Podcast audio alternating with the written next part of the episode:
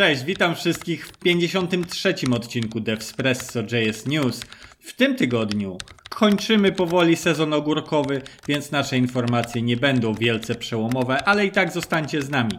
A w tym tygodniu opowiemy m.in. o nowym koncepcie Google'a w temacie przesyłania informacji związanych ze zdjęciami, czyli JPEG XL. Poza tym mam informacje na temat Svelte Kitu, który dostarcza dużo nowych kolorowych świecących zabawek. Opowiemy o Node 16.9 i co tam jeszcze. Co jeszcze, Aleksander? A ja mam troszkę Odeno i Relay. Zatem jedziemy. Devspresso. Newsy przedstawi dzisiaj Julek. I Aleksander. No to zaczynamy. Google pracuje nad nowym formatem zdjęcia, który ma się nazywać JPEG XL. Um, kurczę, jak wam to powiedzieć? Zacznę od rzeczy najważniejszych. Machine learning oraz AI, ok? Okej. więc, więc wiecie, szum informacyjny, news związany z najnowszymi hardkorowo ciekawymi technologiami. Wpis na Google Open Source blogu. Tam dostajemy takie informacje, gdzie Google dzieli się trochę szerzej swoimi konceptami, pomysłami i co będzie robić. I informacja jest dosłownie ciekawostką według mnie, bo to się jeszcze długo nie wydarzy. No i okej, okay, jaki jest cel? Cel jest prosty. Celem jest szybciej działający internet i wcześniejsze dostarczanie danych do usera, prawda? Jak to zrobić? No to pierwsza sprawa, zaczynamy grzebać w najcięższych rzeczach i w tym przypadku są to dla nas asety, jak wiemy. No i dlatego pojawiło się WebP, potem zaraz pojawił się Aviv, jak wiemy, który też uciął straszliwie jeszcze na masie asetów. E, oczywiście streamingujemy wideo wszystkie na nasze strony i tak dalej. No i co tu jeszcze można zrobić i spróbować uciąć z tych asetów? No właśnie chciałem zapytać, czy da się za dużo jeszcze uciąć. Właśnie i co też co też teraz Google wymyślił, żeby jeszcze dało się coś uciąć, bo w tym momencie już trochę ciężko jest jeszcze bardziej zoptymalizować generowanie zdjęcia i przesyłanie jego danych bez straty informacji i jego jakości w związku z tym. No ale, ale, ale, można przecież wyciąć tylko kawałek informacji z danego zdjęcia. I właśnie to jest cel w tej chwili Google'a. E, posłużenie się progresywnym wczytywaniem zdjęć, tak jak wiemy i stosujemy obecnie. Najpierw dostarczamy żenującej jakości słomę, a następnie sobie sam dociąga kolejne lepszej jakości zdjęcia. A teraz uruchamiają maszynkę AI-ową na zdjęciu, która weryfikuje, która część zdjęcia niesie najwięcej informacji dla użytkownika. Jeśli masz twarz na zdjęciu, no to twarz jest tym, na co spojrzysz na zdjęciu, a nie na tło wpierw, tak? Jeśli tam są pszczółki, pszczółki przyszły mi do głowy, bo na stronie właśnie przykład mają z tym związany, no to gdzieś konkretne elementy są, na które będziemy patrzeć.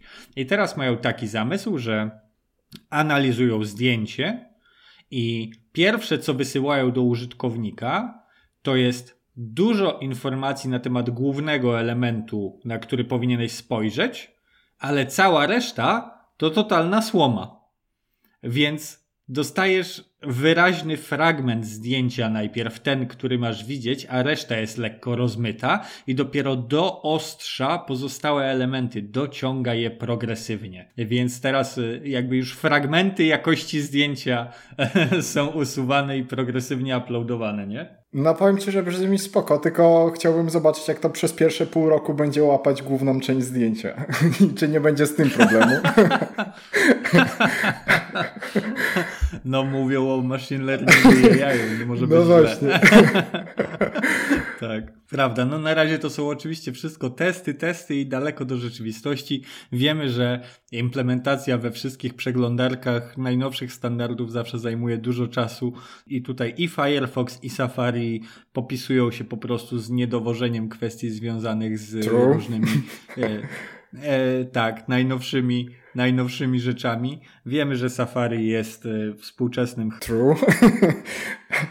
ale Firefox strasznie, cholera, nie podoba mi się to, ale Firefox wydaje się, że strasznie stara się, żeby stanąć w szranki z Safari momentami i, i, i bardzo mi się nie podoba się zaistniała sytuacja.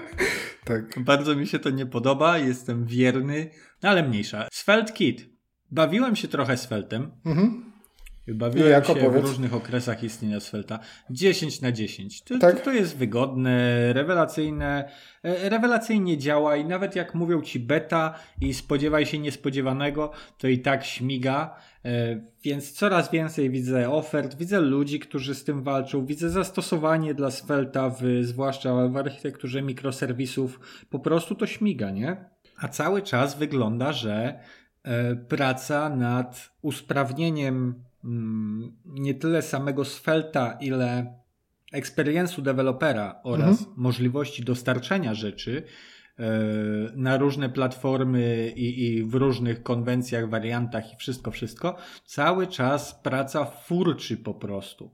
Svelte Kit Beta to następca Sapera. Oni oryginalnie mieli Sapera i Saper był e, całym build kitem, który po prostu robił ci builda, dawał ci środowisko deweloperskie, wszystkie te cuda na kiju, których byśmy oczekiwali, tak?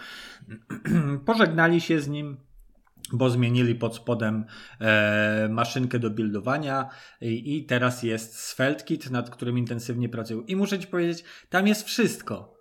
Oni mówią, że to jest beta, a, a ja mówię, jeżeli, tak, jeżeli betę z taką ilością rzeczy dostarczacie po prostu, to chciałbym, To chciałem zobaczyć release.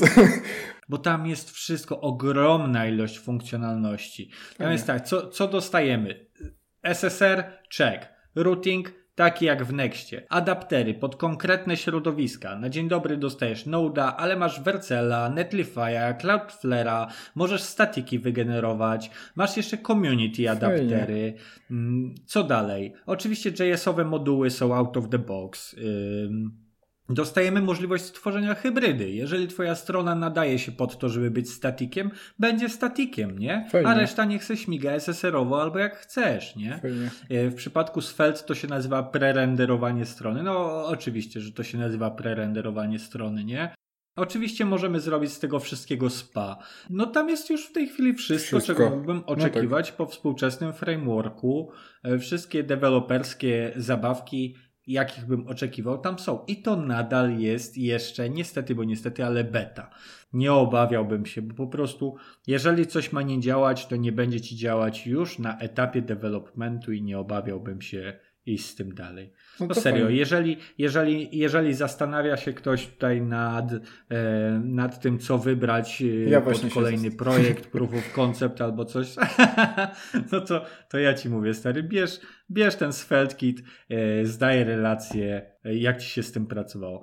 Brzmi spoko. A dokumentację mają spoko? Je- Jest bardzo dobrze napisana, Sztos. jest obszerna i mówię, community bardzo prężnie wspiera ten projekt, e, co mi się bardzo podoba. Bardzo, bardzo polecam. Brzmi fajnie. To z chęcią spróbuję, yy, bo już nie wiem, się zastanawiam tak od pół roku, szczerze mówiąc, żeby coś tam zrobić w Svelte i, i nie mam czasu, nie mam czasu i, i zachęciłeś mnie, powiem ci. Typowy problem dewelopera. Tak, dokładnie. Spoko. Ciekawe jak wiesz, w przyszłym roku State of JS zobaczymy, e, czy wyrośnie trochę procent wykorzystania. No i już byli strasznie zainteresowani No tak. i, i, już tam rosło, nie? No to No tak. rzeczywiście, ten SvelteKit może tylko pomóc. Fajnie, fajnie. To może ja teraz opowiem o Deno. Mm, O, to ja potem o Node to omówimy w takim razie stronę backendową JS-a. O, no i git. Dobra, nie będę zanudzać, opowiem tylko o głównych featuresach.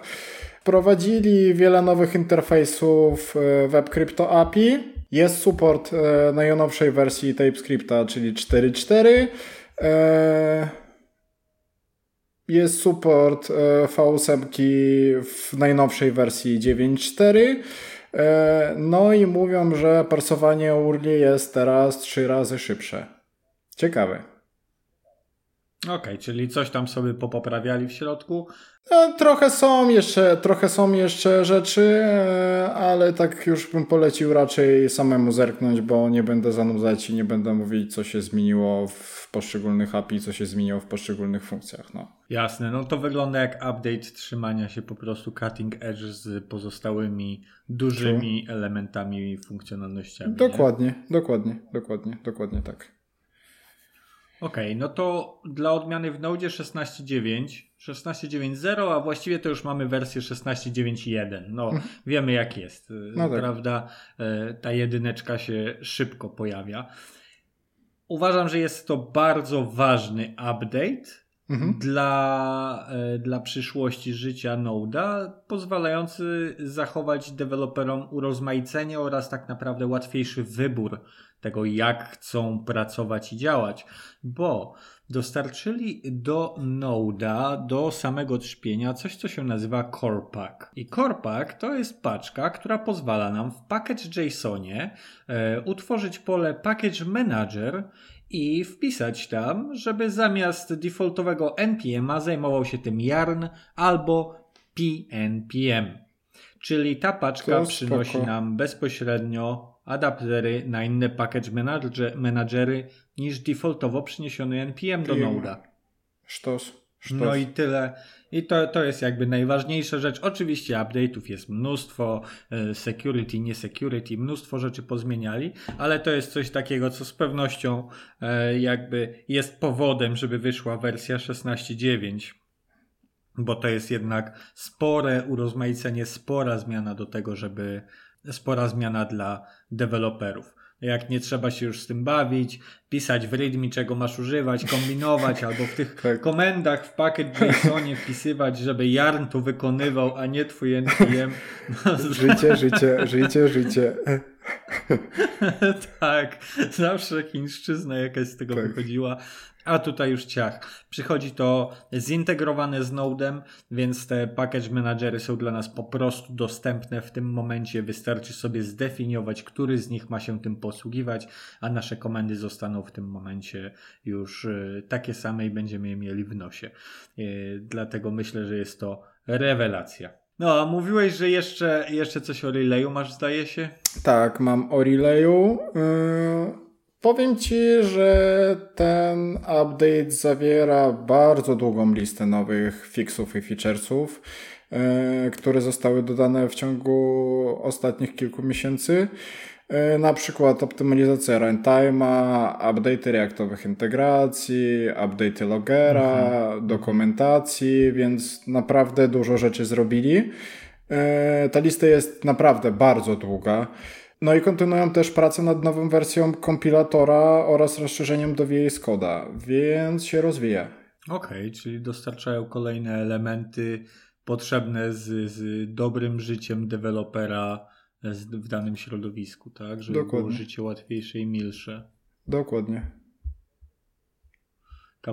A jeszcze jedną rzecz muszę powiedzieć o Node. Właśnie, wypadło mi z głowy, nie odnotowałem sobie, Jedna rzecz, która jeszcze jest w 16, e, w 16.9 e, wprowadzona, o, dlatego mi umknęła, bo o jedynce mówiłem, jest coś, co się nazywa er, error cause. Powód errora. Do new errora można dołożyć opcjonalnie parametr cause i podać innego errora.